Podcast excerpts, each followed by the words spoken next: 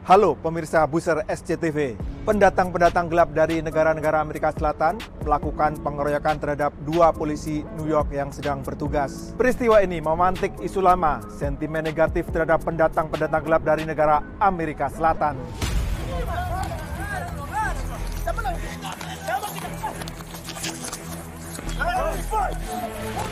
Video ini merupakan rekaman kamera CCTV yang merekam kejadian pada 27 Januari 2024. Lokasinya berada di depan tempat penampungan imigran di Times Square, New York.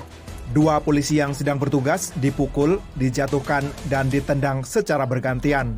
Para pelaku diidentifikasi merupakan pencari suaka yang tidak memiliki dokumen resmi atau pendatang gelap. Mereka sedang ditampung di sejumlah pusat penampungan di New York sambil menunggu proses administrasi untuk mendapat izin tinggal secara resmi di Amerika.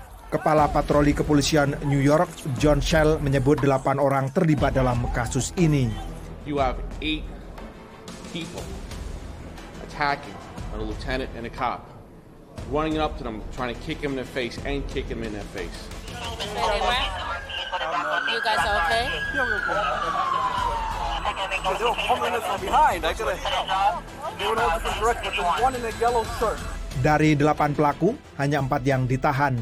Sementara empat lainnya diduga sudah melarikan diri dengan bus menuju California. Tersebarnya video ini telah menimbulkan kemarahan di sebagian warga New York. Pertama, kemarahan tertuju pada aparat hukum dan sistem hukum sendiri yang kesulitan untuk menangani kasus yang melibatkan imigran. Kemarahan juga ditujukan kepada pemerintah karena kebijakan penerimaan imigran telah menimbulkan persoalan baru, khususnya di kota New York.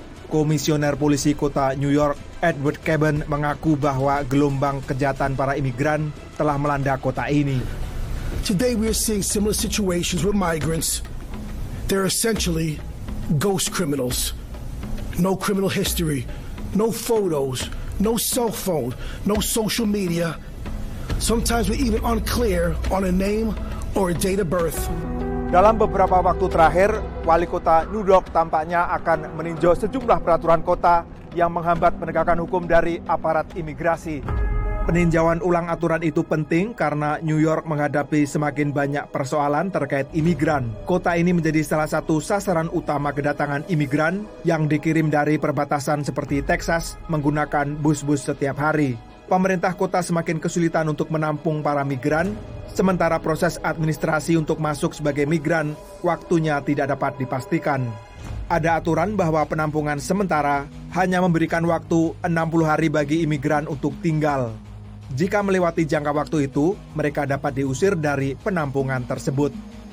Nasib semacam itu misalnya terjadi pada Karina Obando, seorang imigran dari Ekuador. Dia sudah tinggal di hotel yang dijadikan penampungan selama tiga pekan dan telah menerima pemberitahuan bahwa dia harus meninggalkan tempat itu dalam beberapa pekan ke depan. Yo le dije a mi hijo que, que aproveche, aprovechen, disfruten el, el hotel, que estamos con un techo ahorita, porque ya nos van a mandar. Ya nos van a mandar y, y vamos a estar ya en- a dormir en el tren o, o en la calle. Y mi hijo solo se puso a llorar y dijo, tengamos fe. Ada ribuan keluarga imigran yang menerima peringatan untuk meninggalkan penampungan dengan segera. Kantor wali kota New York mempertimbangkan menangguhkan keputusan ini, tetapi belum ada kepastian yang diberikan bagi lebih 3.000 keluarga yang telah menerima pemberitahuan agar pindah sejauh ini.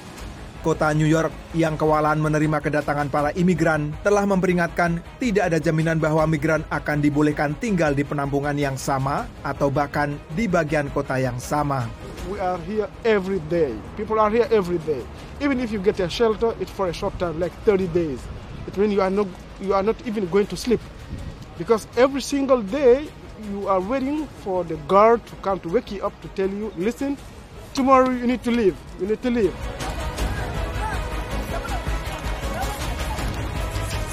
Tindakan kriminal yang dilakukan sejumlah imigran hanya salah satu pemicu dari sekian banyak faktor lain yang membuat sikap warga Amerika terpecah. Di Texas misalnya, negara bagian yang berbatasan langsung dengan Meksiko, warga setempat menggelar aksi menolak kedatangan imigran. Kasus kriminalitas yang dilakukan para imigran ini mau tidak mau akan mempengaruhi cara pandang masyarakat terhadap isu imigrasi. Pada gilirannya, ini tidak hanya akan menjadi isu kriminal, tetapi berkembang menjadi isu politik di seluruh Amerika. Pemirsa demikian edisi Buser kali ini. Saya Nur Hadi Sucahyo mengucapkan tetap waspada, kejahatan ada di sekitar Anda.